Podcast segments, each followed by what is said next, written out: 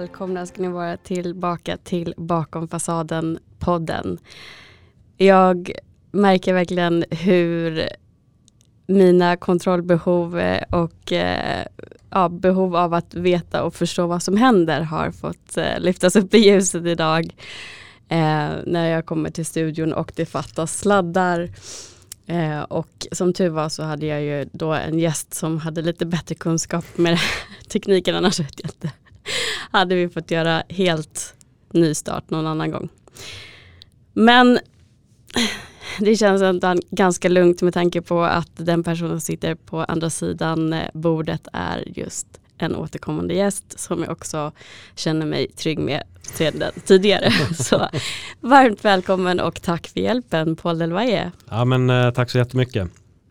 Um, ja, det här var annorlunda. Det var sladdar som saknas och då går det inte att podda och så går vi och köper mikro eller SD-mikrokort som ändå inte går in i din dator så vi får väl se hur det går med det här avsnittet men om ni hör det då har vi lyckats. Precis. Så eh, det är ju ändå lite intressant också med tanke på att jag lyssnade tillbaka på när du gästade podden för det är faktiskt två år sedan nästan exakt. Ja det är så pass. Nu. Ja. Och eh, bara tänkt på hur mycket som har hänt, inte bara i Bakom fasaden-podden sedan dess, mm. men också din poddresa och, och, din personliga resa. Det mm. ser ju helt annorlunda ut idag. Ja, det har hänt mycket. Jag kommer inte ihåg vad vi pratade om. Jag minns ju mm. en del, mm. minns jag ju absolut. Eh, men jag har inte lyssnat eh, inför det här så jag har inte lyssnat. Nej. Men jag minns en del grejer. Men mycket högkänslighet vet jag att vi pratade om. Det var väl egentligen kanske mest eh, ja. det som det handlade om då. Under det avsnittet. Tror jag vi kom in på lite andra små saker också.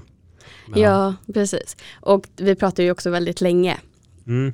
Det blev över en timme va? Typ 1.40? Två. Två. Ja, just det, just det. Två timmar och sen så klippte jag ner det till ett en timme för att köra i repris. Mm. Eh, bara för att få med liksom det viktigaste. Och det var inte helt rätt heller för jag tyckte att allt som vi sa var, ja, var viktigt. Mm. Eh, men man kan väl säga att kontenten för er som inte har hört det tidigare och lite recap för oss det är precis som du säger att vi pratade ju väldigt mycket om högkänslighet och att jag hade ja, föreslagit att du tittade lite mer på högkänslighet och såg Exakt. Och också som många av oss som är högkänsliga har undrat väldigt mycket varför är jag så här, varför blir jag så trött av saker andra inte blir trötta av? Och sen få den här förståelsen vad det gör med oss. Och det fokuserade vi mycket på. Vi pratade också om vad mod är för oss. Eh, och saker som ja, man kanske ska säga lite så generellt. Eh, andra kan tycka är läskigt. Gör du bara ja, nej men det är kul, det här testar vi. och sen så pratade jag, men du måste ju vara rädd för någonting och då pratade ja. vi lite grann om när du opererades som barn och sådana saker. Det, ja. eh, och på den tiden hade du inte heller en relation, så vi pratade nej. lite grann om gamla relationer och, och vad vi ville ha. Just det. Så att det. Eh, det var mycket, mycket härligt snack som det alltid är. liksom, jag kommer ihåg att jag gick därifrån och tänkte, gud vi har inte pratat klart och det hade vi ändå pratat i två timmar. Så tog det två år. Ja. det är, men det är, det är som de här långfilmerna som, som släpps. Typ som nu när Dune släpptes så får man veta att det mm. kommer en del två men du kommer få vänta x antal år för att mm. få, få veta hur det har gått. Så samma här bakom fasaden. Ja. Man får en försmak, sen väntar man två år och sen får man svaren. Så lite så. Men det är väl lite spännande just det att de här åren har också varit särskilda det går inte riktigt att jämföra med Nej. två år någon annan gång för att vi just har levt i, under pandemi och har varit begränsade. Vi har inte kunnat göra exakt vad vi vill. Och vad händer med oss då? Vad mm. väljer vi att fokusera på? Och jag vet att du precis som jag är ju väldigt sökande, nyfiken på diverse saker och kan djupdyka i det vi undrar över. Mm. Eh, och där är du nästan ännu bättre. Jag kan ibland tappar lite fokus och kanske inte går lika djupt som du gör. Men jag tycker också att det som fastnar mycket som jag har hittat och upptäckt genom dig det är ju mycket stoicismen mm. eh, och olika saker som du filosoferar över när du gör öppet sinne och jag vet att jag har nämnt det så många gånger i podden just att jag verkligen uppskattar de avsnitten. Ja, kul. Eh, och tycker att alla ska lyssna på det. För att hittar man någon som uttrycker det man själv tänker men kanske formulerar sig bättre då blir det så här, men lyssna på det här istället så, så märker ni det. Men jag, vi, men jag, tror alltid att vi har någon som formulerar sig bättre än oss själva för jag kan ju känna så med jättemånga med att så här, mm. åh, om jag ändå kunde prata så där, om jag ändå kunde formulera mig så. Så det är kul att du känner så om mig, att jag får, får fram det för ibland vet jag inte ens vad jag, vad jag snackar om. Men ja, jag får ibland väldigt mycket idéer och, och tänker jag gillar att kunna dela det i det här, eller i det formatet. Mm. Att bara sätta sig rätt upp och ner och liksom prata. Och det är väl det som har varit uppskattat att det är väldigt så här ofiltrerat och väldigt ärligt. Jag sitter ju inte och klipper i de avsnitten. Uh, jag gör egentligen inte det i min podd heller. Alltså det är mer bara så här, okej, okay, någon spillde kaffe, vilket aldrig har hänt. Men om mm. något sånt händer då, då klipper jag. Men inte så här, oj, jag sa fel på ett ord, kan vi ta om det här? För då kommer jag sitta och ha huvudvärk redan med, med mitt klippjobb och jag, jag, gillar att göra så lite som möjligt när podden väl är klar så jag kan fokusera på nästa. Mm. Men um, nej men öppna mitt sinne har varit en sjukt rolig resa. Att um, sätta sig och prata, jag har fått bra respons. Det är många som vill att jag ska släppa mer. Men sen mm. ibland känner jag inte att så här, jag, jag, kan inte sitta och bara komma med de här djupa tankarna hela tiden för ibland är de inte där.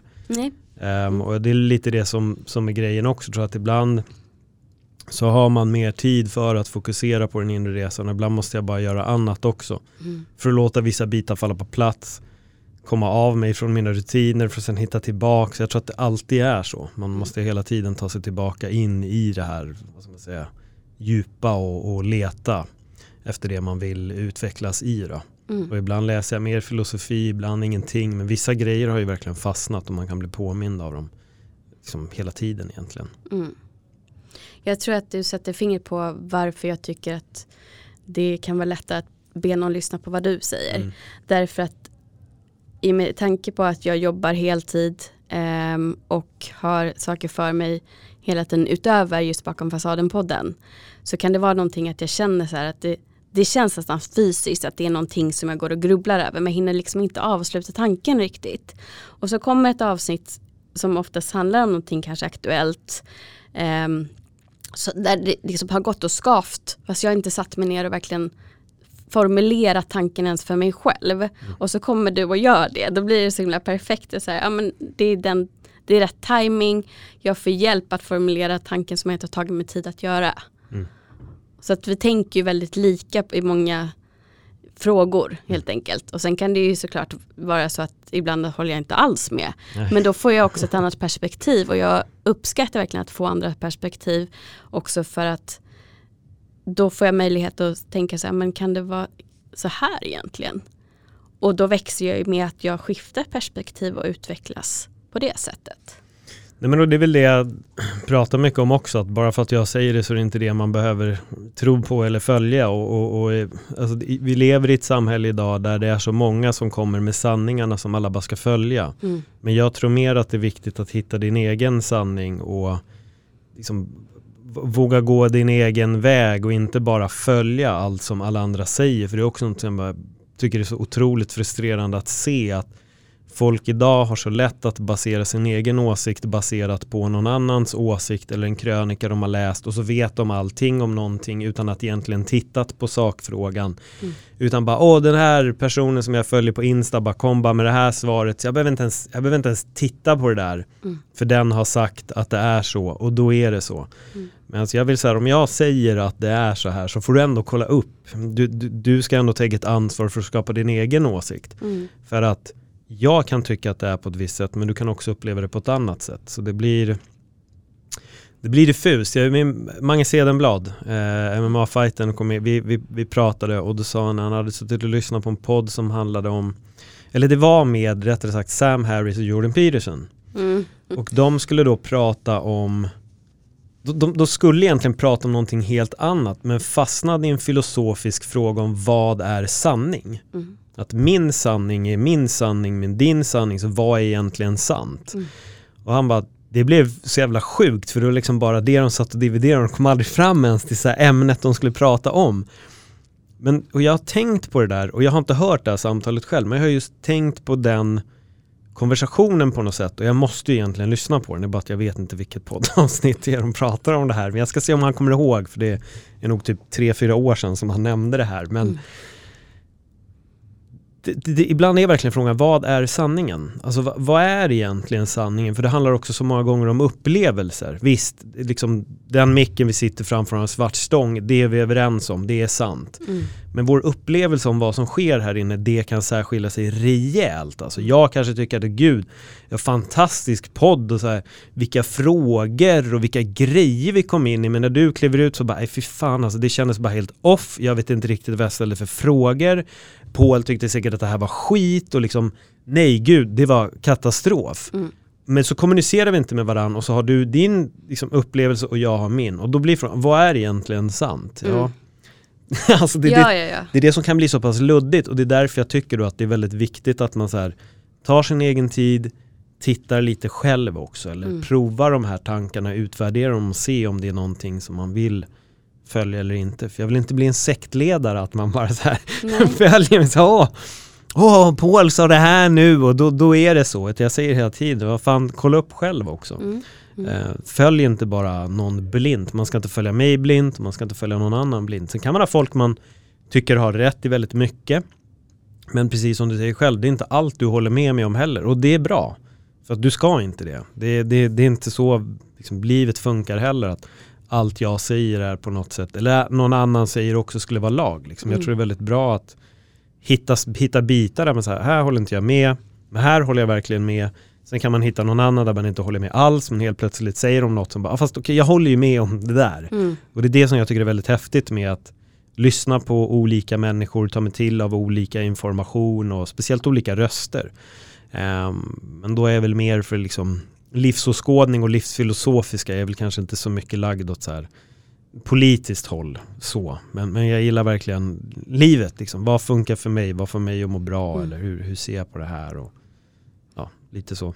Mm. Nej, men, och det uppskattar jag också att du säger för jag upplever inte att du försöker pracka på någon utan du ser din syn på saken sen kan man välja vad man tar med sig utifrån det. Uh, och jag pratade faktiskt med, med mina föräldrar om det här i morse. Jag sov hos dem och vi brukar alltid sitta och dricka lite kaffe efter frukost och bara sitta och prata om diverse saker. Vi hamnar nästan alltid på någonting jag pratar om i podden. Eh, och just det här med sin sanning kom mm. mamma in på då. Vad är egentligen sant och, och liknande.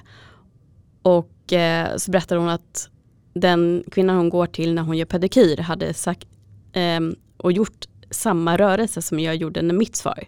Och det var att jag la handen på bröstet och sa sanningen finns här. Eh, och med det sagt, och det här pratar jag också mycket om med Jakob Vandrell. Mm. Det här med att jag upplever att många människor som jag träffar på olika sätt gör liknande resor när de börjar titta inåt. Men att det känns som att det finns olika steg i den resan.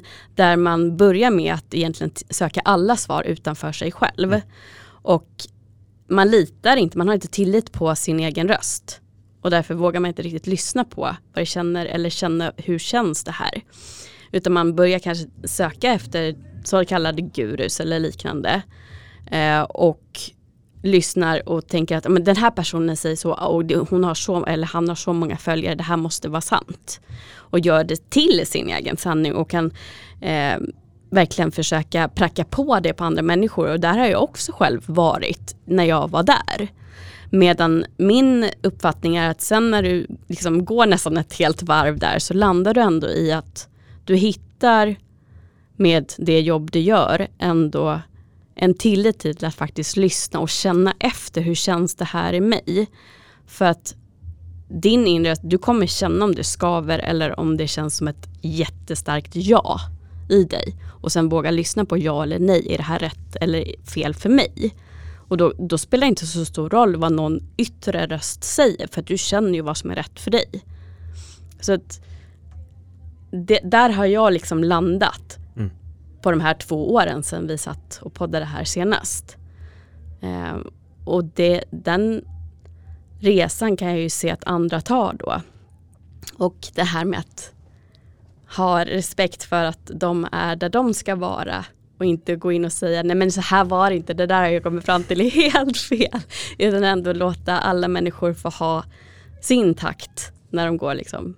Men utvecklingen är ju konstant. Man ja. förändras hela tiden och jag vet med i början när allt det började så var jag nu kanske det är för att jag spelar in så mycket podd och är i så mycket konversationer att jag inte har samma behov av att lyssna på andra människors samtal för att varje vecka sitter jag och får ändå det här. Mm. Då, då. Men, mm. så, så, det kanske bara är det men jag tror att i början så vill man så gärna lyssna på människor, man vill lyssna på deras resa, man vill kunna så här, relatera eller se vad de har gjort för att på den vägen skapa den här förändringen då. Och jag vet ju med min startpunkt där jag började, det är så långt ifrån där jag är. I början var jag också, ah, jag känner mig spirituell här nu och oh, lite det man sökte medan idag så är jag väl mer bara trött på att alla ska vara så jävla spirituella hela tiden. Mm. Så det blir bara nästan, jag vet, det blir sån jag tror jag har pratat om det här några gånger också i Öppna mitt sinne, men det blir som hela charad på något vänster. Det vem mm. kan vara mest spirituell? Mm. Det börjar nästan påminna oss om nordkoreansk tv när, när ledaren har dött och så, de som står längst fram och gråter mest. Och det blir nästan lite det på sociala medier när det är för mycket. Nu la ju du handen på hjärtat och bröstet, men folk lägger handen på hjärtat och bröstet hela tiden för att åh, åh, och den här dagen och, mm, mm. och jag kan bara känna fast, vad fan, du kan säga att det är en bra dag utan att liksom stå och gestikulera så mycket och vara så jävla tacksam över det. Liksom. Så jag, men, men jag vet inte, jag kanske är lite så anti allting också. Jag kanske är i en sån fas just nu. Jag tror att men, man blir det därför att det blir så mycket i en annan fas. Ja. För jag kan också uppleva lite sådär att jag nästan vill inte ens läsa om någon skickade någonting till mig till någonting jag redan har, har liksom förstått att men det, här, det här var inte för mig. Mm då, då kan jag ha stängt den dörren kanske lite för hårt. Ja. Att det blir lite anti. Nu menade inte jag så att Åh, du ska lyssna på själen och där, där, där. Nej, så nej, nej, jag Utan förstår. mer bara jag att förstår. jag har lärt mig så att jag behöver inte lyssna på vad, vad någon säger mm. är deras sanning och ta den för min. Utan bara så här, funkar, resonerar det mig? Nej, då är inte nej. det. Och jag menade inte det du nej, gjorde. Nej. Men jag menar jag bara, bara förtydliga för den som lyssnar. Jag menar mm. bara att ibland är jag så här, åh gud, och lägger handen på hjärtat och så ah, det är solen skiner idag, ah, och det är så skönt, och jag är så tacksam för det här. Och, ah. och då kan man säga, ja, det är fint, men samtidigt när man också måste lägga upp det på sociala medier, då blir frågan varför gör du det? Ja, ja, varför exakt. lägger du upp det här? Varför gör du det då? Um, jag kan också gå och känna att dagen är helt fantastisk men jag behöver inte stå i ett näst... Det blir som ett skådespel liksom. Åh oh, gud, det är så tacksamt och allt det här och handen på hjärtat och oj oj oj. Uh, men jag tror sen när man gör sin resa, går sina varv, till slut så börjar man inse att man, man behöver inte det. Man behöver inte spela det här spelet för det är väl lite det det blir på något sätt. Så jag vill nästan bara frikoppla mig mer från allting. Mm. Det är därför jag tycker det är väldigt kul när jag har Gurgen Bakircioglu med i en podd för att jag brukar skämta, han är en sån som vill ha alla identiteter och det, jag är vegan och jag är minimalist och det här och det här. Medan jag är så här, jag är ingenting. liksom, lägg, lägg ingenting på mig, jag vill inte vara något. Jag är så trött på att ha gått runt liksom, fan 75% av mitt liv och trott att jag är så här skådespelare, en PT, en komiker, en MMA, liksom profilen eller vad det är. Jag vill inte vara det. Jag vill verkligen bara vara så här, jag är bara Paul som gör podd eller gör MMA-grejer eller YouTube-prylar. Men det definierar inte mig som människa. Mm. Jag vill bara kunna, jag vill kunna stå på mina egna ben och vi är experter på att sätta titlar på alla och det är därför jag tror att jag någonstans kan känna att de som upplever sig, jag är så vaken nu och jag är superspirituell och så är det så här, fast fan du sover fortfarande.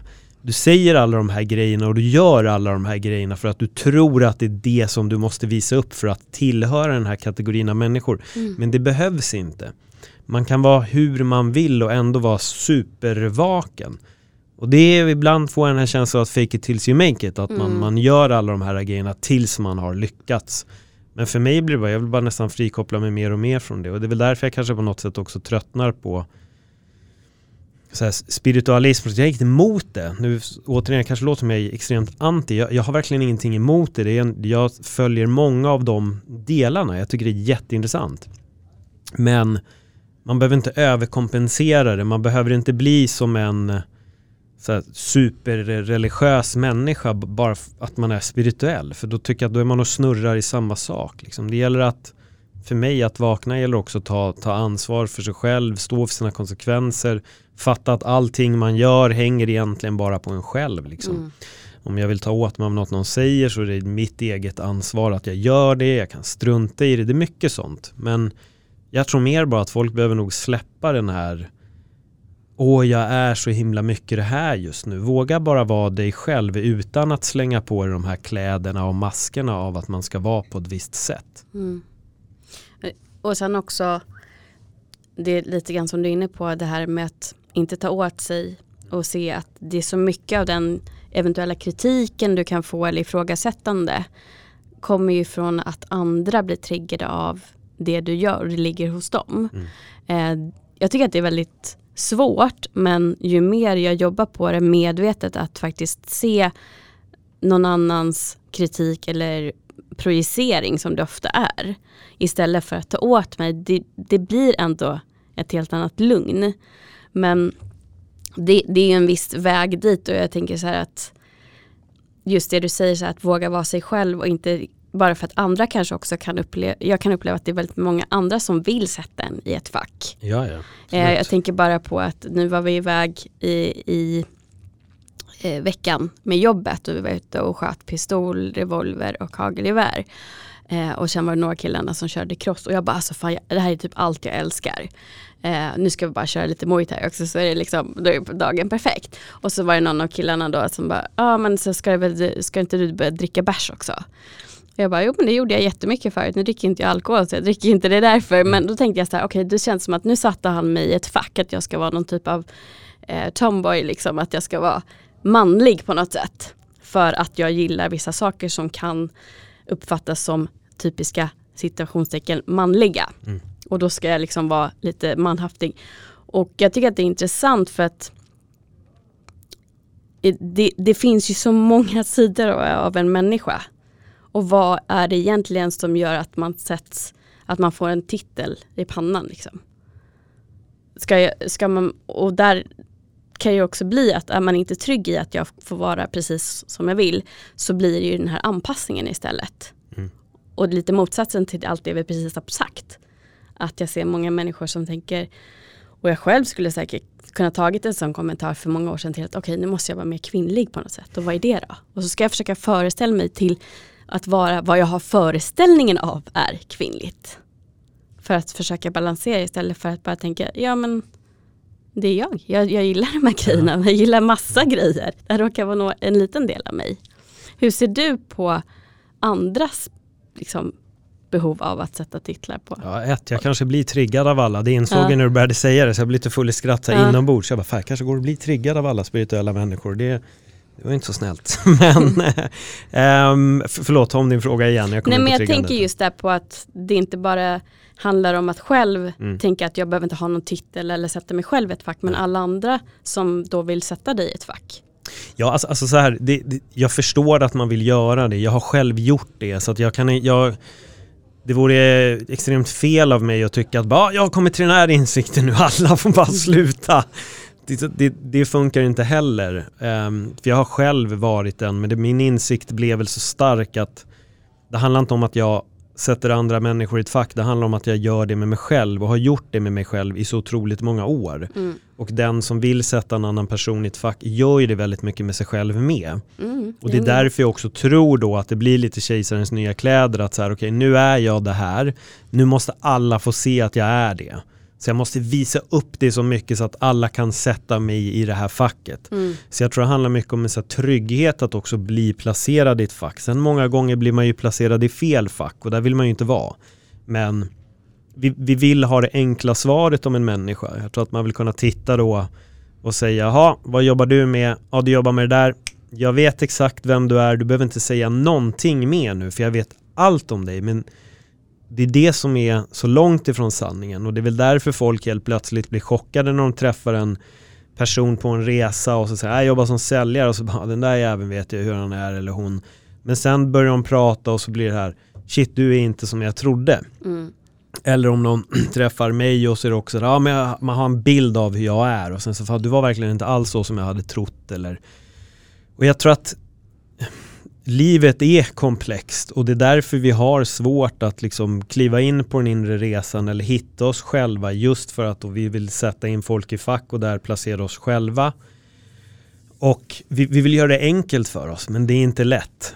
Och ju desto längre man kommer in på den här resan så börjar man också inse att det är inte så lätt. Men jag tror att all, alla är liksom på sin, på sin egen unika individuella resa och vissa kommer inte landa liksom djupt och alla ska nog inte göra det heller. Men det kanske är så min uppgift att göra det, att vara mm. här och prata på det här sättet som jag gör och tänka så som jag gör. Men jag kan ju snurra djupt in i de här tankarna och jag kan vrida liksom ut och in på väldigt mycket.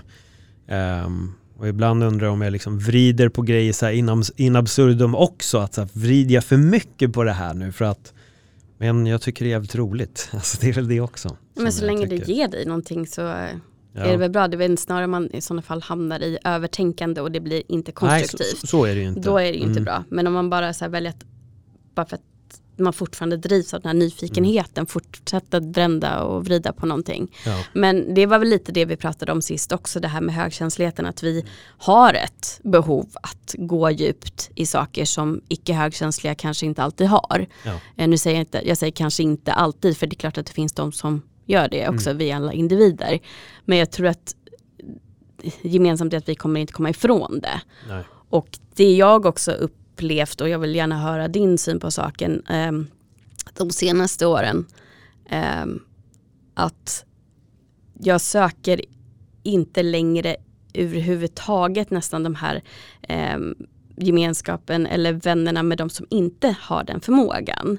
Därför att jag har blivit, vi pratade om det sist också, men det här med att man bara, gud vad tråkigt det är att sitta och prata om vädret. Liksom. Mm. Men nu är det verkligen så här, jag vill inte prata om vädret. Att det har blivit hårdraget för min del. Så att det ger mig verkligen ingenting. Jag har rensat mm. ut det väldigt mycket och skapar en ny relation då behöver jag att det här djupet finns. Att man verkligen kan skifta mellan högt och lågt.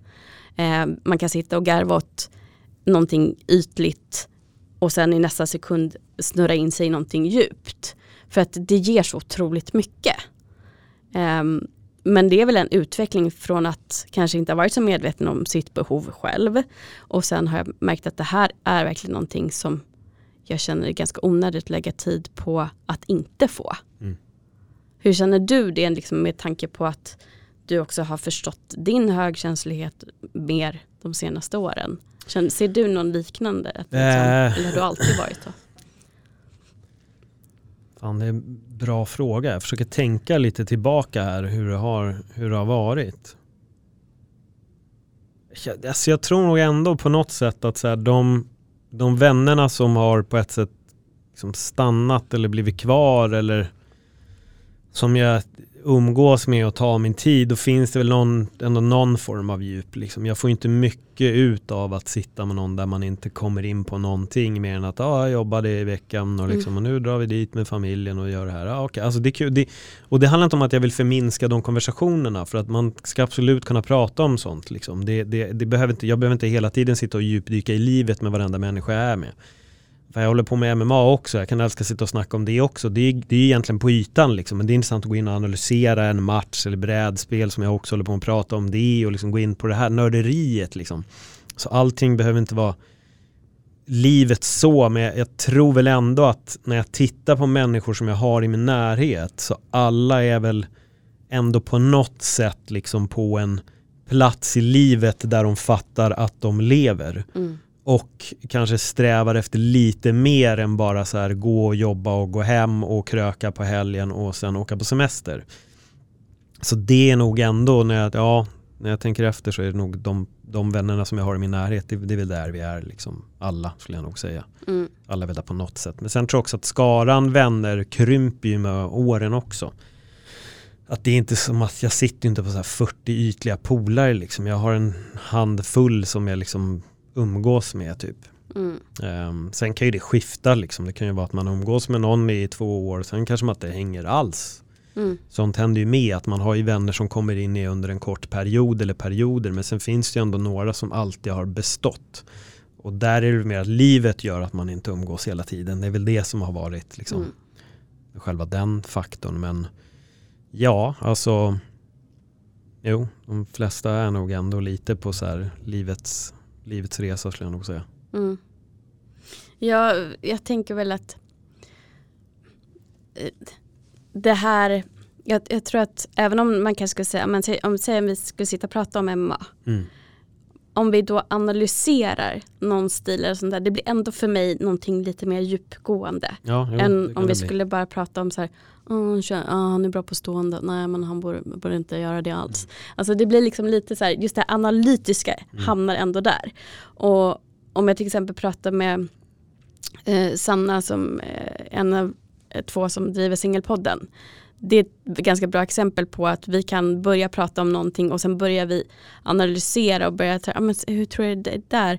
Men skulle det kunna vara så här? Och så drar vi in anknytningsteorin i mm. olika saker.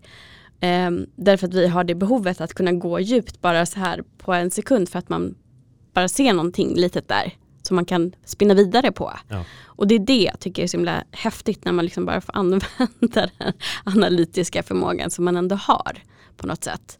Um, och det är väl det jag tycker, så här, om jag inte får, får ha det då kanske jag inte lägger så jättemycket fokus på den relationen. Nej. Sen är det klart att vi alla behöver ha förmågan att kallprata också. För att det är sådana situationer ja, ja, vi kommer absolut. hamna i, framförallt i arbetslivet. Mm.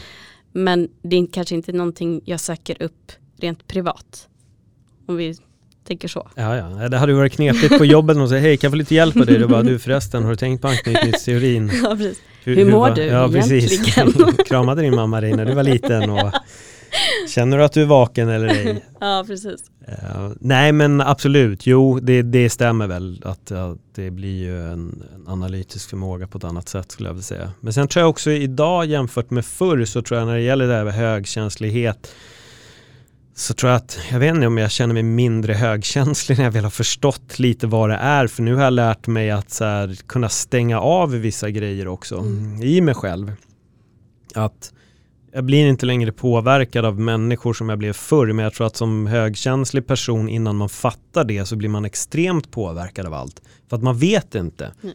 Så det är så ah, den här känslan kommer, oj, oj, oj, och så blir det någon inre stress på något vänster eller man överanalyserar varför sa den här personen hej på det här sättet och så liksom börjar man snurra i det här och det kan liksom äta upp en inifrån medan nu är det bara så här, ja okej, skiter i det. Det har blivit mer och mer så tror jag från mig. Mm. Och det är därför jag brukar säga ibland att ja, men jag kanske har blivit känslokall. Men, och jag tror inte att det är att jag är känslokall, men jag tror att jag har förstått vilka känslor som jag behöver liksom verkligen vara i och inte vara i, om man säger så. Mm. Så det är väl mer det som jag har märkt skulle jag säga.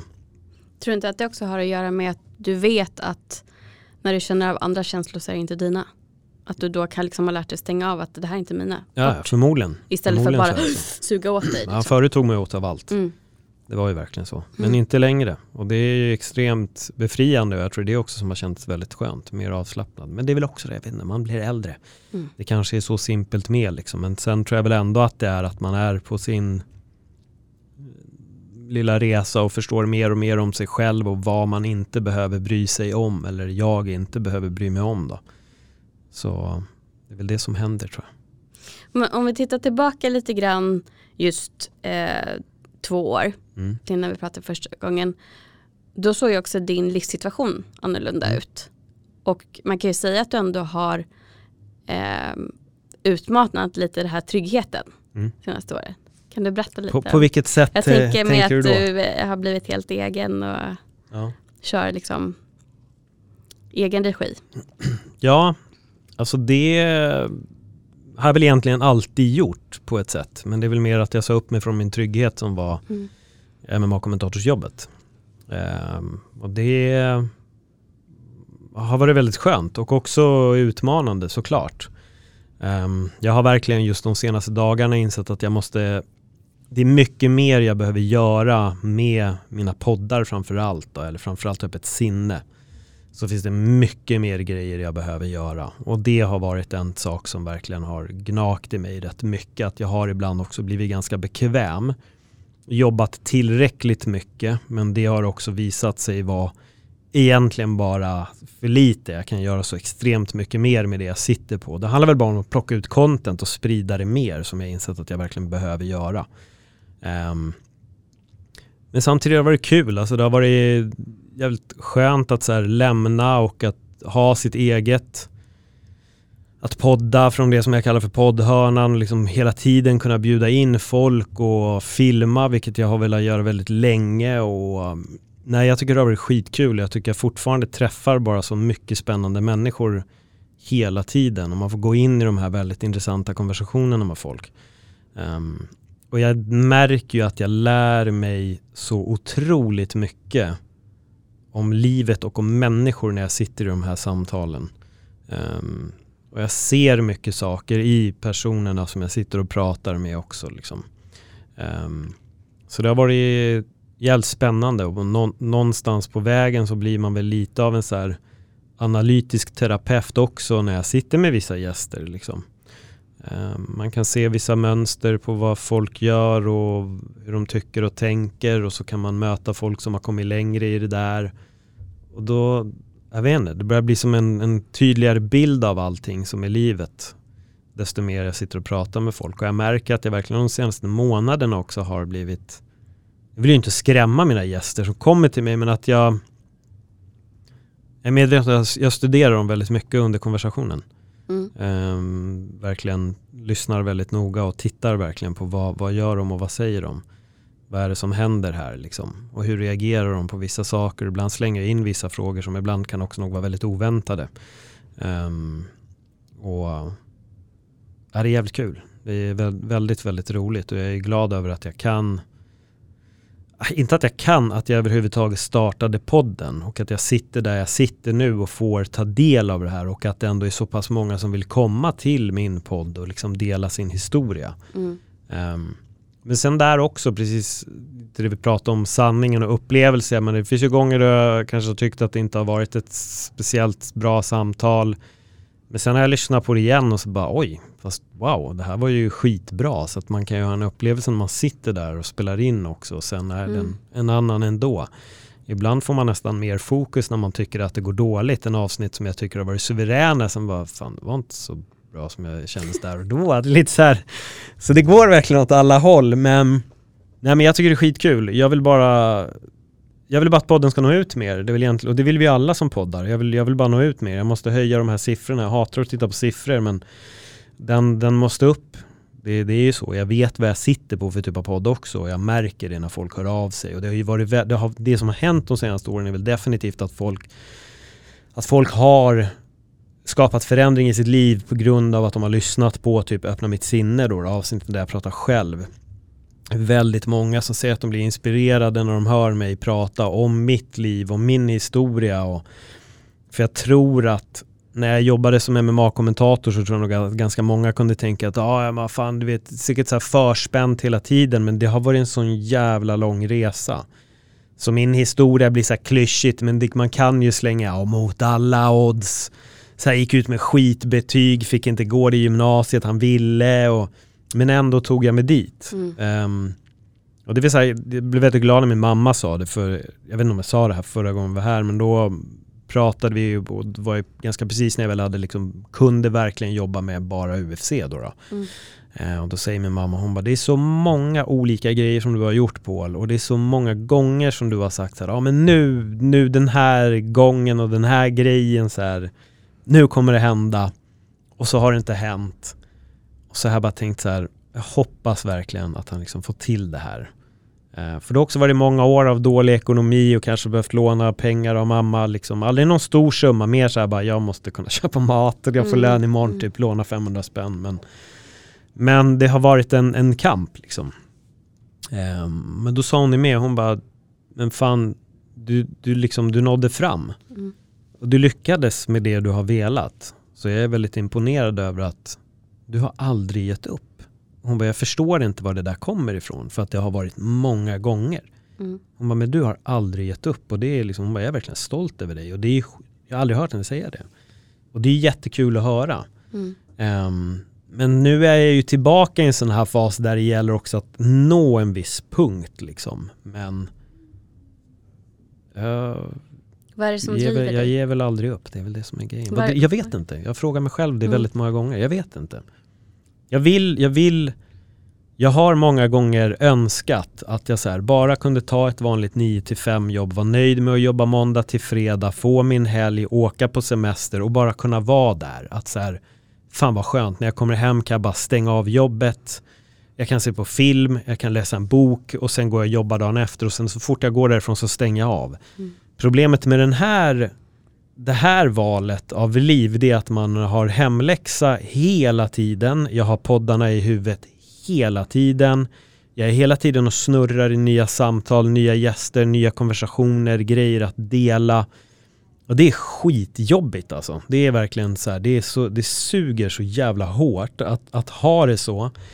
Um, men det är också så otroligt kul och när man väl delar någonting som når fram, då blir ju liksom all den här hemläxan man går runt med hela tiden blir ju extremt värt det. Mm. Att kunna nå ut, för jag tror ändå att i slutet av dagen så vill jag väl kunna ja, men så här, inspirera folk, alltså till att skapa någon form av förändring. Att om, om, om min, mina ord kan få en person som till exempel är i en dålig relation att lämna den eller är på ett dålig arbetsplats och, och dra därifrån och säga upp sig och våga testa sina vingar någon annanstans då är det helt okej okay att jag går och lägger mig med mina poddar i huvudet och, och ligger med de här tankarna. Liksom. Men jag vet inte. Jag, jag har, liksom, det, det kanske var svaret men jag, jag, vet inte egentligen vad som driver mig. Jag, varje gång jag försöker mig på det här som vi ska säga liksom 9 till 5 så det, det, det funkar i typ en månad. Och då kan jag tycka att det är skitskönt. Bara, fy fan vad skönt liksom. Så här, jag vet vad jag får in på kontot när det är 25 varje månad. Och det blir jävla nice liksom. Jag får semester och pension.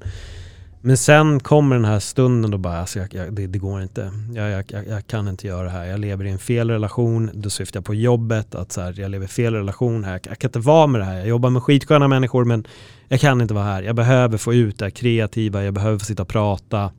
Jag behöver få slänga ur mig de här tankarna liksom. Mm. Och jag tror väl alltid att när jag höll på med stand-up så var det väl också det här att jag ville ändå nå ut på ett annat sätt. Jag, ville kom, eh, jag märkte det många gånger när vi poddade humor att ändå så gled, gled jag gärna in på det här. Fan vad är egentligen frihet? Vad innebär det att vara fri liksom? Är vi verkligen fria när vi går till det här 9-5 jobbet eller är vi inte det? Och, och det var mycket sånt snurr, har alltid snurrat i mitt huvud liksom. Och jag tror att det är väl på något sätt så kanske det den frågan är så viktig för mig för att jag känner mig inte fri när jag jobbar 9 till 5. Jag är låst liksom. Mm. Under de här åtta timmarna så är jag låst. Mm. Uh, och jag vill egentligen bara gå därifrån men jag kan inte. Och det är en ganska obehaglig känsla att, att ha. Uh, så jag tror därför jag hela tiden går djupt. Och det jag säger, jag kan gå in väldigt djupt i vissa tankar och ifrågasättande. Men folk skulle bara säga, ja men vad fan, du behöver lön för att kunna betala din hyra och då måste du stå där. Och jag fattar liksom. För att jag har gjort det. Men jag tror bara det, det som driver mig är väl bara att jag, jag gillar att prata och jag gillar att få ut mina skeva livsfilosofier till folk. Men ni får inte börja klä er som mig och säga att nu följer vi dig Paul till jordens ände. Nu kommer vi med. Jag tänker att eh, det handlar om syfte och meningsfullhet, vad det är för just dig. Och för dig så har du skapat ett syfte att du vill nå ut. Och när du märker att du gör det så gör det så mycket menings, alltså det skapar så mycket meningsfullhet mm. för dig. Så det är värt att tänka på det så mycket som du gör. Att det liksom blir att du väger, ja men det ger mig så otroligt mycket att få känna att jag gör skillnad. Mm. Så att jag kan ta det här andra. Att egentligen det som det, ja, som det grundar sig i. Ja.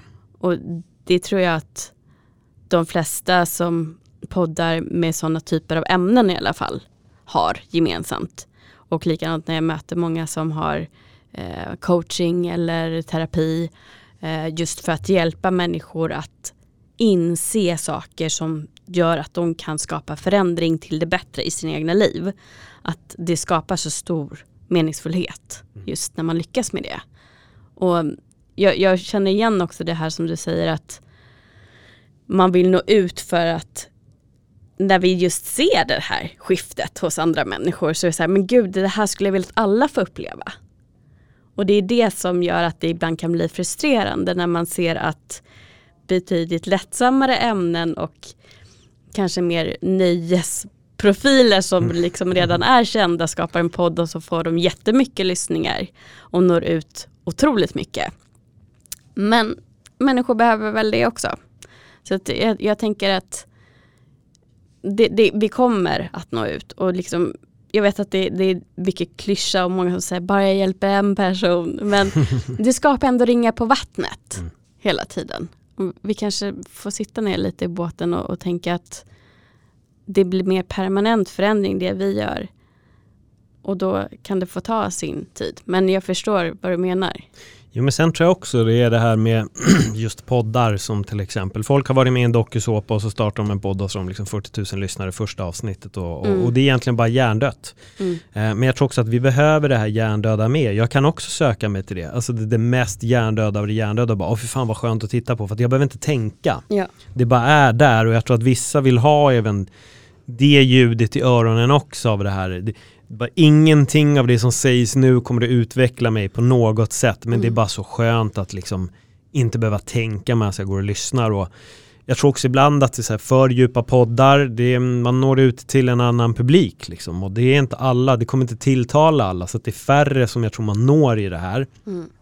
Men eh, det är bara man, man får bara köra, alltså folk, folk vill ju ändå lyssna och det är tydligt och jag vet ju själv att när jag påbörjade liksom min min process, inte min podd utan mer liksom själva processen av att så vakna eller bli uppväxt så hade jag ett stort behov av att lyssna på de här samtalen. Mm. Så jag kunde lyssna på fyra, fem poddar om dagen. Alltså jag kunde gå och bara ha i hela tiden. Så det här ämnet, det här ämnet. Och så började jag upptäcka så mycket. Och jag tror att när man väl börjar hitta den här typen av podd, då börjar man också se hur mycket det ger och hur mycket man lär sig på vägen. Och det är det som blir viktigt för en själv. Att mm. så här, fan jag vill lära mig mer, jag vill höra mer historier för jag tror att de som, är, de som inte lyssnar på djupare poddar är de som också sen ganska snabbt fastnar i det konspiratoriska. Att så här, man tror på den här människan och ingen annan. Liksom. Medan när man lyssnar på de här poddarna då kommer man höra olika åsikter. Och det, det är bra. Jag tror att det är helt enkelt det vi, vi behöver verkligen mer av sånt. Ja, jag tänker också att man måste ju nå till en viss punkt när man är väldigt, väldigt trött på sin egen skit. Mm. För att vara mottaglig för att faktiskt kunna bli provocerad som man kan bli av det du och jag säger. Ja. För att är man inte mottaglig då blir det enbart provocerande att höra. Och det kan också bli provocerande om man går mitt in i där vi kanske är idag. Mm. Medan man är vi för två, tre år sedan då kanske det är mer givande att lyssna på vad vi var för två, tre år sedan när vi inte hade kommit lika långt själva för att det blir inte någon igenkänning. Nej. Och då blir det inte kanske så konstruktivt eller inspirerande. Och det är någonting jag försöker lära mig själv också, att inte glömma bort var jag kommer ifrån med resans sätt. Att bara för att jag har insett nu när jag har gått igenom det som jag trodde var jättesmärtsamt men inte var det. Då kan jag sitta och säga så här, jag tycker alla ska blicka inåt och se vad de har varit med om och, och sitta med den föreställda smärtan. För att jag har ju gjort det och märkt att det var inte så farligt som jag trodde. Ja det gör ont och det är jobbigt men det är inte den här jag dör, jag kommer aldrig sluta gråta mm. känslan som många sitter med en föreställning om det är väldigt lätt för mig att säga då som redan har gjort det, såklart. Men, men det gör inte mindre sant. Och därför försöker jag också så här, komma ihåg att jag trodde att jag skulle dö innan jag gjorde det. Om jag gjorde det här. Jag måste respektera att det, det finns de som är där.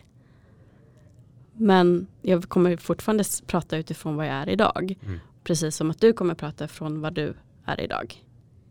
Så det, det, är klart att det vi säger kanske inte tas emot precis så som vi önskar hela tiden. Men det ligger ju kvar. Alla gamla avsnitten ligger ju också kvar. Så de, man kan ju komma in var man vill. Och sen följa oss längs med vägen tänker jag. Ja men så är det, 100, så är det till 100 procent och jag tror också att det är, liksom, det är lager i, i det här så är det hela tiden lager. Man når nya instanser konstant. Det som var viktigt då är inte lika viktigt nu och allting som jag redan sa tidigare, det förändras hela tiden. Och jag tror bara att man ska vara medveten om och liksom, ja, men bara våga njuta av den förändringen och det är väl det som jag tror har varit det svåra för mig tidigare var väl det här att förstå att livet är en resa. Mm. Jag såg bara destinationen. Men jag såg aldrig resan. Mm. Eh, jag såg aldrig att det är liksom upp och ner utan jag såg bara, jag ska vara där och så det, det jag tror att det, det blir mer diffust att bara se en, vad ska man säga, en målstolpe.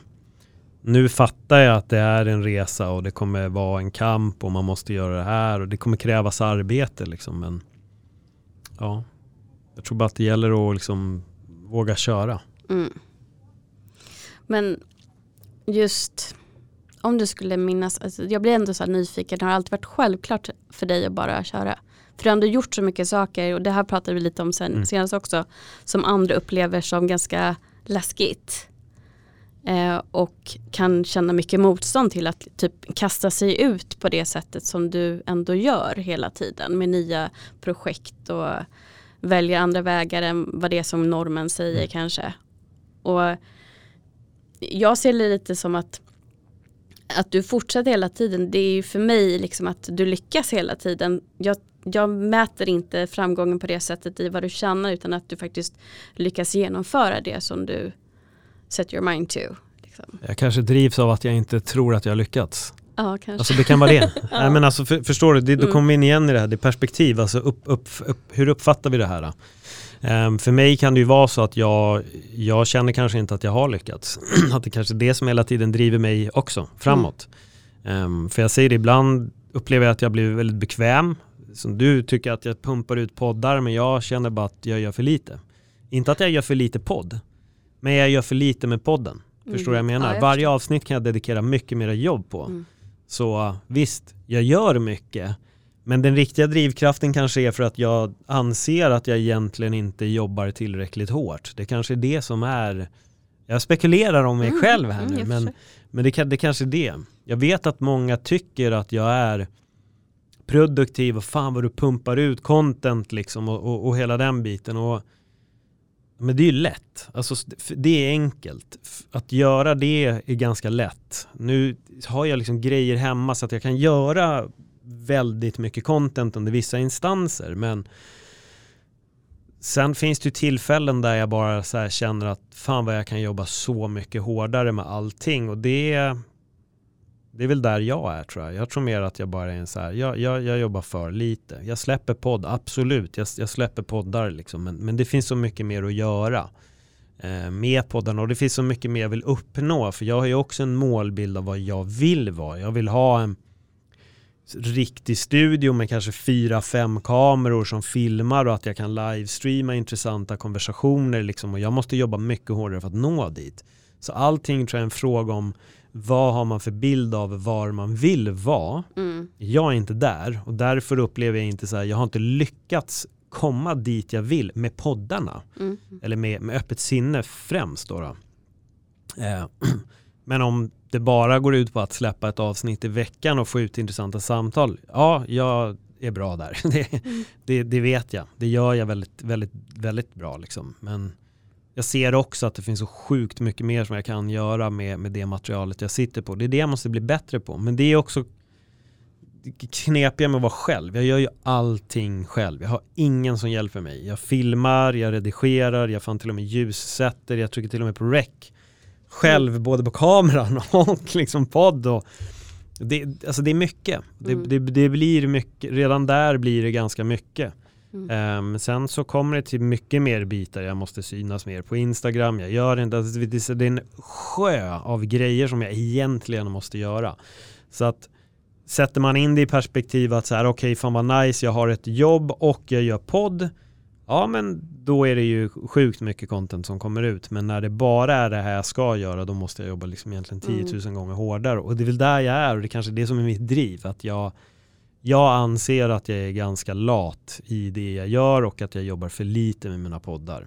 Eh, så jag tror nog att det är min negativiteten av mig själv som ger mig drivkraft. Och jag har märkt också att de gångerna som jag blir bekväm i tanken av att fan, vet du vad? Jag är produktiv alltså. Då slutar jag producera. Mm. För då börjar jag få för mig saker om mig själv. Att jag är väldigt produktiv och liksom duktig och så här. Jag är en kreatör och jag skapar och så har det gått fyra veckor och sen har jag inte spelat in någon podd, jag har inte gjort något inlägg någonstans. Och Ja, svar på din fråga. Jag tror att jag, jag anser att jag är väldigt lat och jag måste jobba hårdare. Och jag tror att det är bra att jag känner så. För att jag tror att hade jag varit bekväm så hade jag aldrig börjat filma poddarna. Eller mm. Jag hade aldrig satt mig framför kameran själv. Utan jag hade tyckt att jag gör ju en podd. Liksom. Jag, jag släpper ju ett avsnitt i veckan liksom, varje vecka. Jag tar ju ingen paus på podden. Sen har det hänt att det har varit någon vecka där det inte har dykt upp. Jag tror att jag har tre eller fyra gånger sedan jag började som det inte har släppts ett avsnitt. Mm.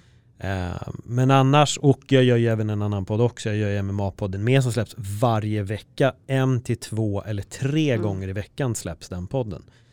Eh, men ja, då är det ju också poddar som jag ska jobba med och då, då måste jag ju liksom producera så mycket. Mm. Men med det sagt så vill jag ju också liksom, jag vill ju göra mer grejer. Jag vill inte bara göra podd, jag vill också jobba med tv som jag har gjort innan och jag vill jättegärna tillbaka till den scenen med för jag tycker att det är så otroligt roligt. Mm. Um, nej, men det är, det är mycket jag vill göra. Det är väl egentligen det som är, som är grejen. Jag vill, jag vill göra mycket. Det är svårt där när man jämför sig med dels en, av en målbild ja. och sen också eh, tampas lite grann med så här, men vad är det egentligen jag ska göra och som jag känner att jag måste göra. För att folk som generellt tror jag att den som lyssnar på podd glömmer bort hur mycket jobb det ligger bakom. Ja. För att också genom att jämföra med de som till exempel då är med i en dokusåpa och sen har eh, får frågan att göra en podd, då har ju de någon som klipper, någon som sitter med en tekniker och sköter mm. ljudet både där och sen klipper efteråt och sen bara lägger ut det. Så de behöver egentligen bara sitta och prata.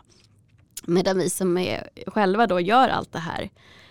Um, och det tar ju, särskilt i början när man lärt sig, tar ju det flera, flera timmar. Jag tror jag satt åtta timmar i början med det utöver heltidsjobbet. Mm. Så att där får man ju också jag tror att det är bra att försöka jämföra sig med den man har varit och den man vill bli men inte andra personer eller Nej. andra poddar. Men jag tror också att precis som du säger att, att ha en målbild där man kräver lite mer av sig själv kan vara en sporre eh, för många personer om man vet att man fungerar på det sättet. Och då är det ju positivt. Eh, och vilja utvecklas hela tiden är någonting som driver en framåt. Så att så länge man liksom inte känner att det är någonting, ett krav som gör att man mår dåligt av det så blir det tvärtom produktivt. Mm. Men jag, jag tror att jag har, jag har nog alltid haft väldigt höga krav på mig själv och jag tror också att jag är, jag är väldigt medveten om vad jag är duktig på och vad jag inte kan just nu. Och när jag vet att jag kan någonting då får man också leverera på det, på det sättet mm. skulle jag nog säga. Att du inser liksom dina egna begränsningar samtidigt som att du inser att ja, men det här behöver jag lära mig och då gör du det. Ja, nej men ja, alltså typ jag vet att jag är duktig på att göra podd. Jag vet att jag är bra på att lyssna och ställa frågor och prata. Jag vet det liksom. Mm. Um, jag hade inte haft en podd som var över 200 avsnitt om jag inte var det heller, liksom, om jag hade gjort en dålig podd. Men jag tror också lite att när det gäller andra grejer, jag, jag tror fortfarande man, jag kan lära mig allt bara jag tar tid. Men jag är väldigt medveten om vad jag kan just nu och vad jag kan göra. Men när jag är trygg i någonting då vill jag också kunna göra det mer. Mm. Jag vill kunna göra mer av det. Liksom. Jag vill släppa mer klipp av Öppna mitt sinne på YouTube och sådana där grejer. Jag vill, jag vill göra de här grejerna. Men det är som du säger också, det, det tar sin tid med podd. Nu har jag väl så här förmånen av att jag där jag spelar in är det bra ljud så att jag gör en normalisering och sen är det klart. Jag ser till att inte klippa i podden alls men jag sitter och redigerar det som är YouTube och där måste jag zooma in då med kameror och hit och dit. Så det tar sin tid liksom. Men jag tror också lite det som du säger det här med att folk tror nog att det är så jävla lätt att starta podd och det är därför man var och varannan vecka säger bara oh yeah nu har vi startat podd och liksom halleluja. Och det börjar alltid så mm. och det är skitbra. Men av de hundra poddarna som har premiär så är det säkert två stycken som står kvar. Mm. Det är två som pallar. Mm. Vissa kommer inte ens upp i tio avsnitt. Vissa kommer upp i två och bara, ja, ah, det här var så mycket jobb. Och jag vet ju också när jag har poddat med folk framförallt och som har varit med i MMA-podden. Liksom, man fattar inte arbetet som jag gör när podden är avstängd. Man förstår bara att man kommer och hänger och surrar men sen att det ska så klippas, fixas, delas ut där och liksom skickas runt. Mm. Det är tid liksom. Mm. Det, det, tar en jävla tid och det, det tror jag att många inte fattar utan man tänker bara fan vad nice liksom sätta sig och snacka lite och, och bara göra en podd liksom och sen släppa ut det men det, det är ett jävla efterarbete också mm. som pågår länge. Och det vet jag att ibland vissa kan tycka, ja ah, fan du vet så här, mycket tid liksom. Du, för dig är det ju enkelt, du, vi ses här och, och så liksom. Men, men jag tror att man måste förstå det till alla er där ute som tänker, jag vill starta podd. Det är sjukt mycket jobb alltså. Um, och, och, starta absolut, men var medveten om att det kommer ta ruskigt mycket tid alltså. Mm. Och jag tror inte heller att det går att så starta podd och släppa ett avsnitt en gång i månaden eller vad vissa håller på med. För att du kommer ha tio lyssningar per avsnitt. Du kommer ha dina vänner som lyssnar. Men man, man hittar inte tillbaka till en podd som släpper en gång i månaden.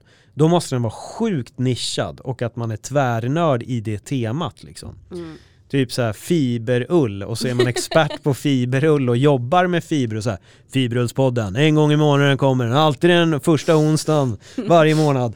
Och då är man så oh shit nu jävlar är första onsdagen, fram kaffet Kenneth, nu ska vi lyssna på Fiberullspodden liksom.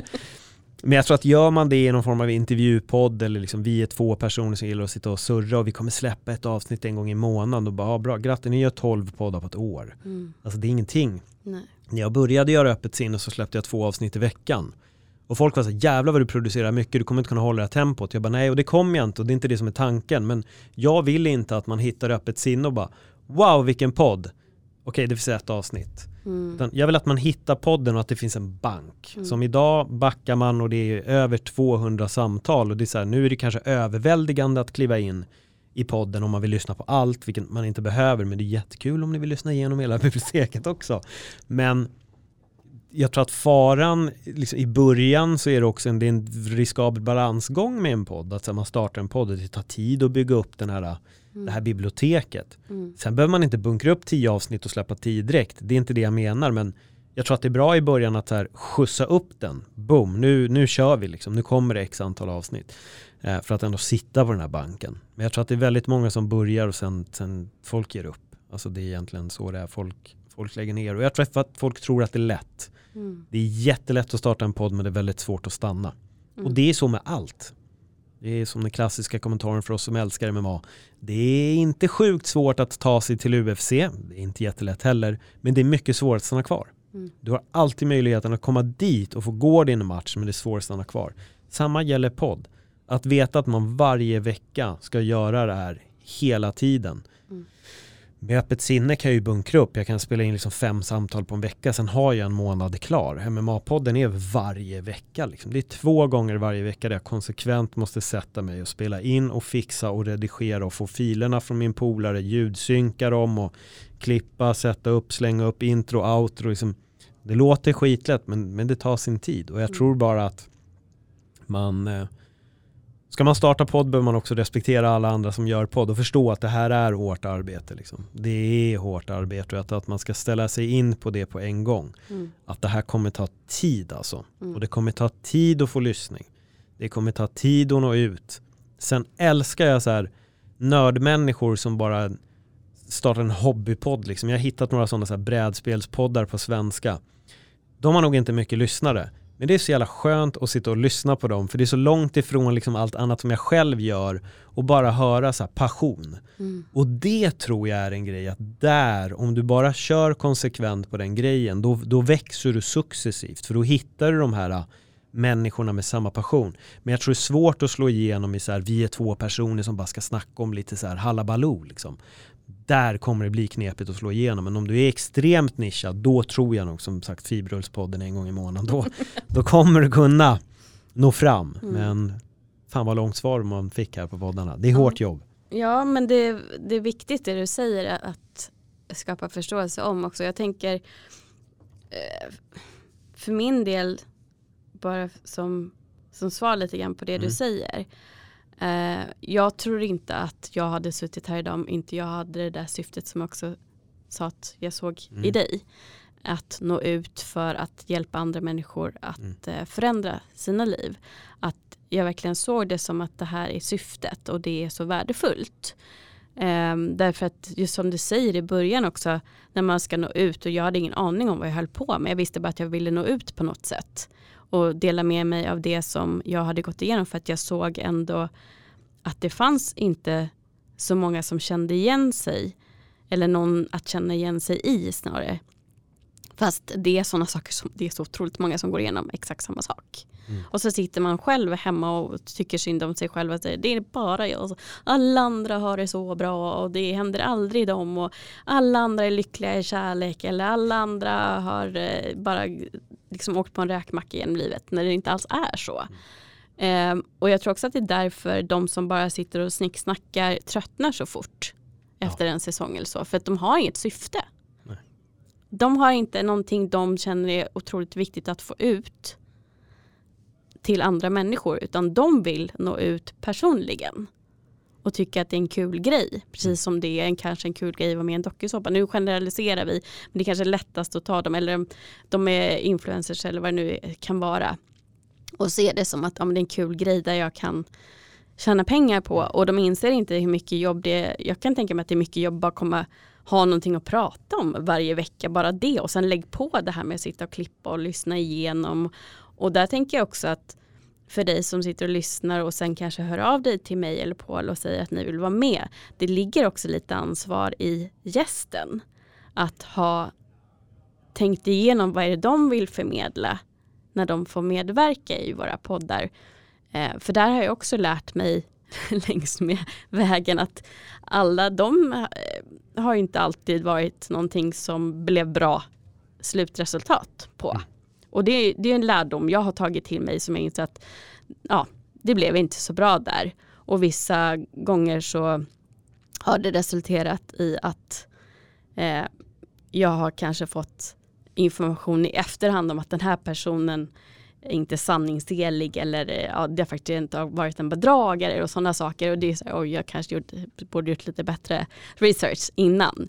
Men det är ju mycket att lära sig i början och då vill man bara nå ut och då tycker man så ah, det här låter som en bra historia, den tar vi med. Och sen kanske inte det var jättesmart. Eh, men också bara se saker och motgångar som lärdomar längs med vägen men ändå få ha blicken på sitt syfte. Mm. Så att man ändå orkar framåt. Liksom. Ja, alltså jag, jag har ett avsnitt med Jess som jag aldrig valde att släppa. Uh, och det var inget fel på egentligen gästen alls. Alltså jättebra gäst men i samtalet så började jag inse att det finns så mycket som sägs från oss båda här som kan missförstås något så extremt alltså. Um, och då valde jag verkligen bara, jag kan inte släppa det här. Det, mm. det här går inte. Liksom. Och det fanns liksom, det var ett väldigt nischat ämne så det var inte som att här, vi ses igen och spelar in utan mm. Mm. jag bara det här det är nog den enda gången då jag liksom, så på ett sätt censurerat mig själv för jag kände bara det här kan leda till så otroligt mycket missförstånd. Mm. Eh, och då pallade jag inte men då var jag också väldigt ny. Det var väldigt väldigt tidigt i min poddkarriär men jag kände här jag bara där lärde jag mig en läxa att liksom, okay, först och främst vara mer förberedd på ämnet och, och verkligen kanske inte bara winga den. Typ så här, mm. vi ses då och kör. Um, sen har jag också åkt på den där att en gäst hörde av sig och sen så när vi väl satt oss och podda så var det väl egentligen rätt så långt ifrån det som vi jag egentligen trodde att vi skulle landa i. Och det mm. var så här, ah, okej okay, det blev ett avsnitt, jag kan absolut släppa det. Eh, men jag kanske inte gjorde så mycket mer heller. Liksom. Jag kände bara att det här kommer inte gå någonstans. Mm. Sen har jag haft en gäst som vi, vi skulle ses. Eh, men sen valde jag att avboka. För ju mer jag kollade upp så kände jag bara jag kan inte stå för det här. Det, det, går inte. Och då ibland är det, man, jag har lärt mig det med, man får inte vara för snabb Nej. med att gå på rekommendation bara. Det gäller att verkligen kolla upp. Mm. Och den gången jag gjorde det så sa jag bara, jag, bara, jag är ledsen men tyvärr, liksom, det här, jag, jag, kan inte stå för det här och det här kommer inte komma ut i min podd. Liksom. Men mm liksom, ja, lycka till och hoppas du får gästa mm. andra poddar. Det är väl det. Mm. Och det är så här, alla har inte heller Um, jag tycker det är så kul ibland, nu, nu kanske jag fladdrar i grejer här, men jag tycker det är lite roligt ibland när folk kommer in med så här yttrandefrihet och att uh, den här personen borde få, få prata eller varför ska man censurera det här i en tidning eller vad det nu är. Jag gillar inte ordet censur alls, men det finns ingen allmän rätt att alla ska få sin röst hörd heller. Alltså om du har en åsikt, starta en egen podd. Men det betyder inte att, att man ska behöva släppa in vilken människa som helst i sin egen podd heller som ska få sitta där och prata om vad fan som helst. Mm. Man har rätt att klippa som poddskapare. Om det kommer upp grejer som man inte vill ska finnas där, då tar man bort det. Mm. Och det är inte censur, men det handlar om att du som släpper podden har också ett ansvar för vad som kommer ut, vilka åsikter som kommer ut. Och om inte du riktigt vill stå bakom det, då är det nog bara att liksom stänga av. Mm. Då, får, då, får, man liksom ta bort, klippa den biten. Mm. Men eh, jag, jag vet inte, jag tror bara att det gäller att det gäller väl att kolla upp lite vem man, vem man ska ha som gäst. Nu är jag med, fan jag har haft som sagt, nu tjatar jag om den här siffran, men över 200 intervjuer och jag har varit extremt skonad. Mm. Eh, jag har nog aldrig haft en intervju där det har känts konstigt eller obekvämt att sitta och intervjua eller någonting, utan allting har rullat väldigt, väldigt smidigt liksom. Så uh, jag kanske bara haft tur. det är det jag kanske, kanske men du kanske också har bra omdöme, tänker mm. jag. jag. Jag känner väl att det har varit en liksom, process när jag har lärt mig också. Mm. Och jag har väl landat mycket i att jag kommer inte ta emot någon som hör av sig um, om jag inte redan kanske följer den personen mm. eller känner att det resonerar med vad jag står för.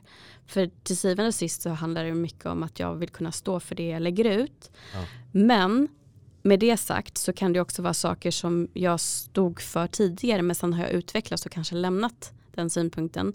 Då kan jag låta det ligga kvar för det var ändå någonting jag stod för då. Mm. Om det inte går tvärt emot mina värderingar. Men det det har jag oftast klippt bort. Om det är någon som råkar uttrycka sig klumpigt och jag vet att de står egentligen inte för det. Då klipper jag bort det för att jag vill inte heller ha den Nej, här exakt, exakt. Liksom, stormen så.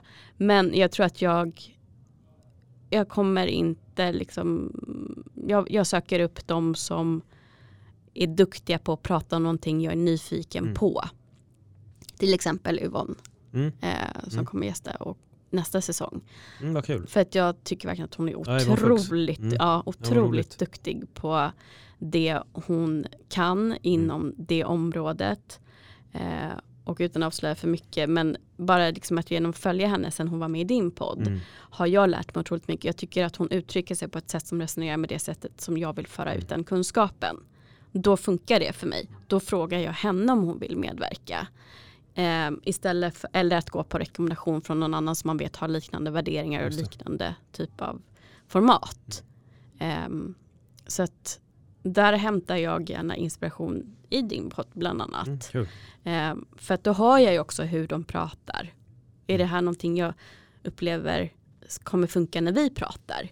För att det som utöver om det blir bra content för lyssnaren, bra kunskap och information för lyssnaren så tänker jag också att tar jag in en person som enbart vill nå ut med sin eh, verksamhet, bok, film, vad det nu skulle kunna vara.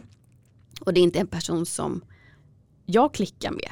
Då Nej. tänker jag att då kommer det också höras.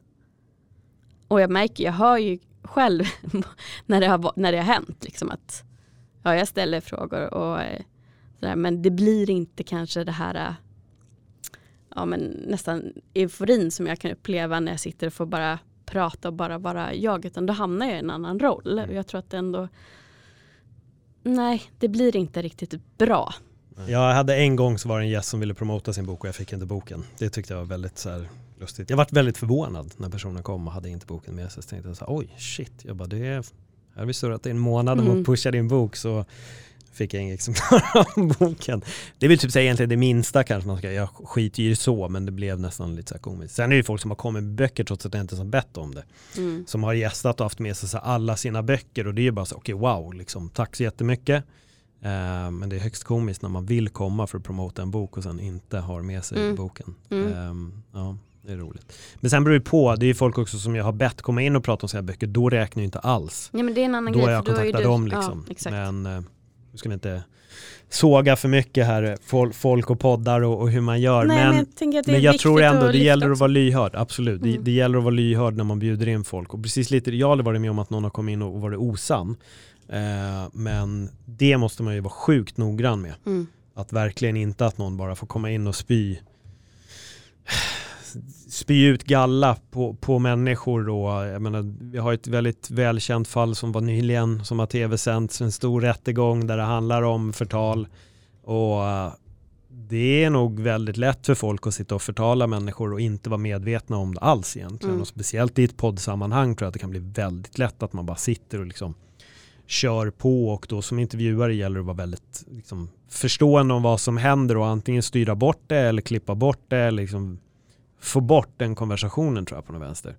Eh, för det är som sagt, det är inte bara att man ska gå till en podd och bara säga så här har jag haft det och så brrr, utan att man kan kolla upp, granska eller någonting. Mm. För det kan också sätta andra människor extrema problem. Mm. Om någon kommer in och liksom ljuger om en livsupplevelse som inte är sann. Så mm. ja, det är som sagt, det är svårt att göra podd. Ja, Ja, men det avsnittet är inte uppe längre.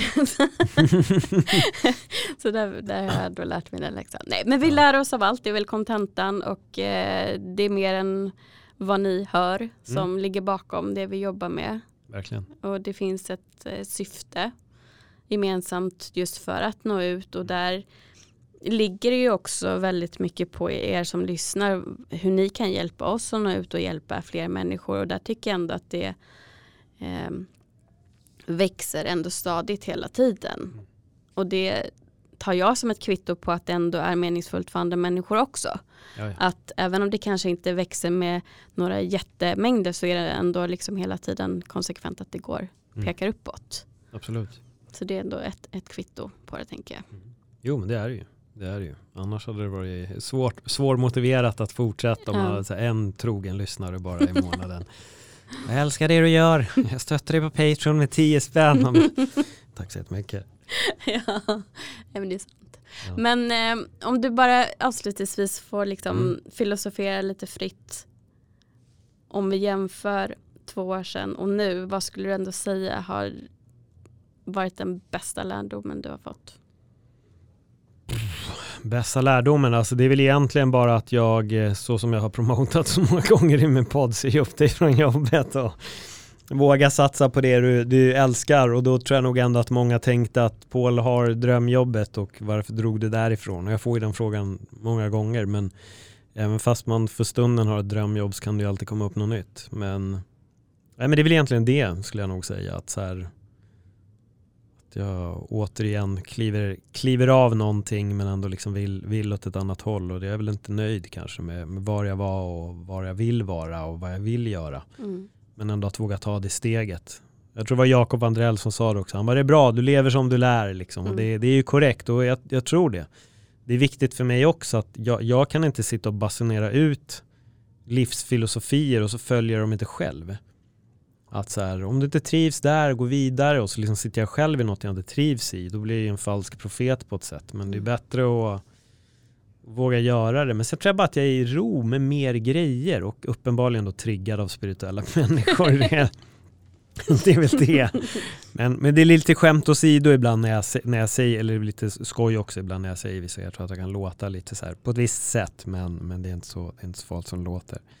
Men, um, nej, men det är väl, jag vet inte, jag känner mig till ro med väldigt mycket och jag är bara nyfiken på att fortsätta liksom resan med podden och resan med livet. För det är ändå två olika saker. Podden är en grej och livet är en annan. Mm. Och just nu är det bara väldigt roligt att, att utforska. Jag vill bara hitta nya grejer att, utforska med.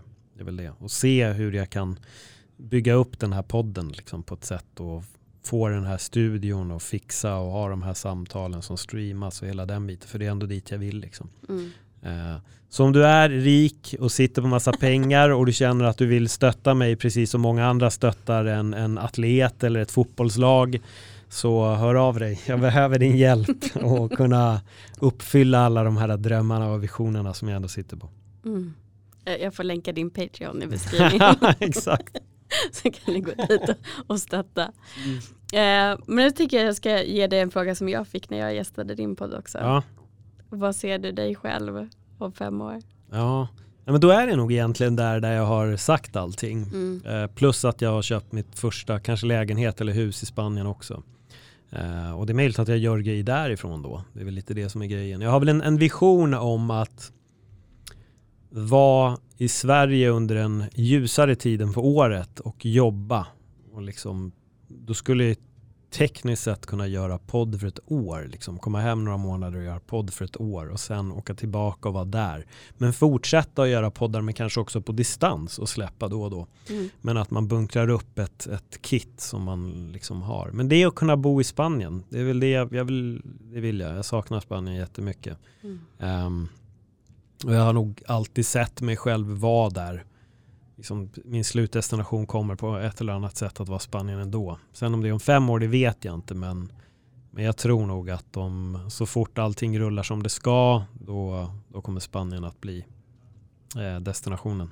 Mm. Och det är något jag har kollat upp. Jag tror jag satt redan för 15 år sedan och tittade på hus. Och var skulle man kunna bo i Spanien där det är liksom jämnast värme året om och sådana där grejer. Teneriffa var väl platsen men jag tror inte att jag kan bo på en ö.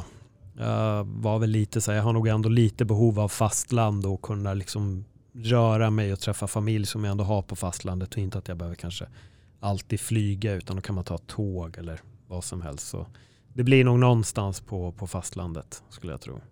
Men podden har blivit vuxit mer och det sänds mer. Mm. Så det är väl det. Spännande. Mm. Jag, jag, vill inte vänta fem år tills du gästar min podd igen. Så vi nej, kommer vänta inte två. kunna säga, vänta två. Ja, nej men superintressant att bara sitta och prata med dig eh, Ja, men idag. detsamma. detsamma. Och sen så får vi väl helt enkelt se vad, vad vägen bär oss. Exakt, exakt. Det är det vi får göra. Mm, Bara tiden kan avgöra. exakt. Men jag tror någonting som vi alltid kommer göra det är att du och jag kommer hela tiden vara nyfikna och Mm. utvecklas. Exakt. Och eh, förhoppningsvis inspirera med det att där du är idag kan hamna här genom att bara våga öppna upp Precis. och våga. Och jag tror att någon som har lyssnat på det här nu har tänkt fan Paul han är ju på kapitel 52 redan och insett shit det känns ändå som att Paul känner sig själv som att han är på kapitel 3 typ. Så jag kanske själv måste börja landa där också. Det kan vara viktiga insikter att reflektera över. Men eh, det vet vi inte. Det är det som är spännande. Vi vet ju inte vad den som lyssnar tolkar in med, i sina egna erfarenheter också. Exakt. Men hör jättegärna av er med reflektioner. Eh, och eh, jag kommer ju som vanligt länka till kontaktuppgifter både till Paul, vad ni kan lyssna på honom och hans Instagram så att ni kan kontakta honom. Så det är bara att slänga iväg lite reflektion till någon av oss om det är någonting. Får ni Som mer än gärna med. göra. Ja, antingen om du har blivit triggad eller om du håller med, det vet vi inte. Men det är välkommet oavsett. eh, Och eh, fortsätt jättegärna att eh, lyssna och dela. Och eh, som sagt så finns vi också på Patreon. Så att vill ni stötta våra poddar och det jobb vi gör så är ni jättevälkomna att göra det. Tack igen Paul som har varit här. Tack så mycket. Och, eh, tack så jättemycket till dig som har lyssnat och gett dig själv och eh, oss din tid. Tills vi hörs igen, ta hand om dig.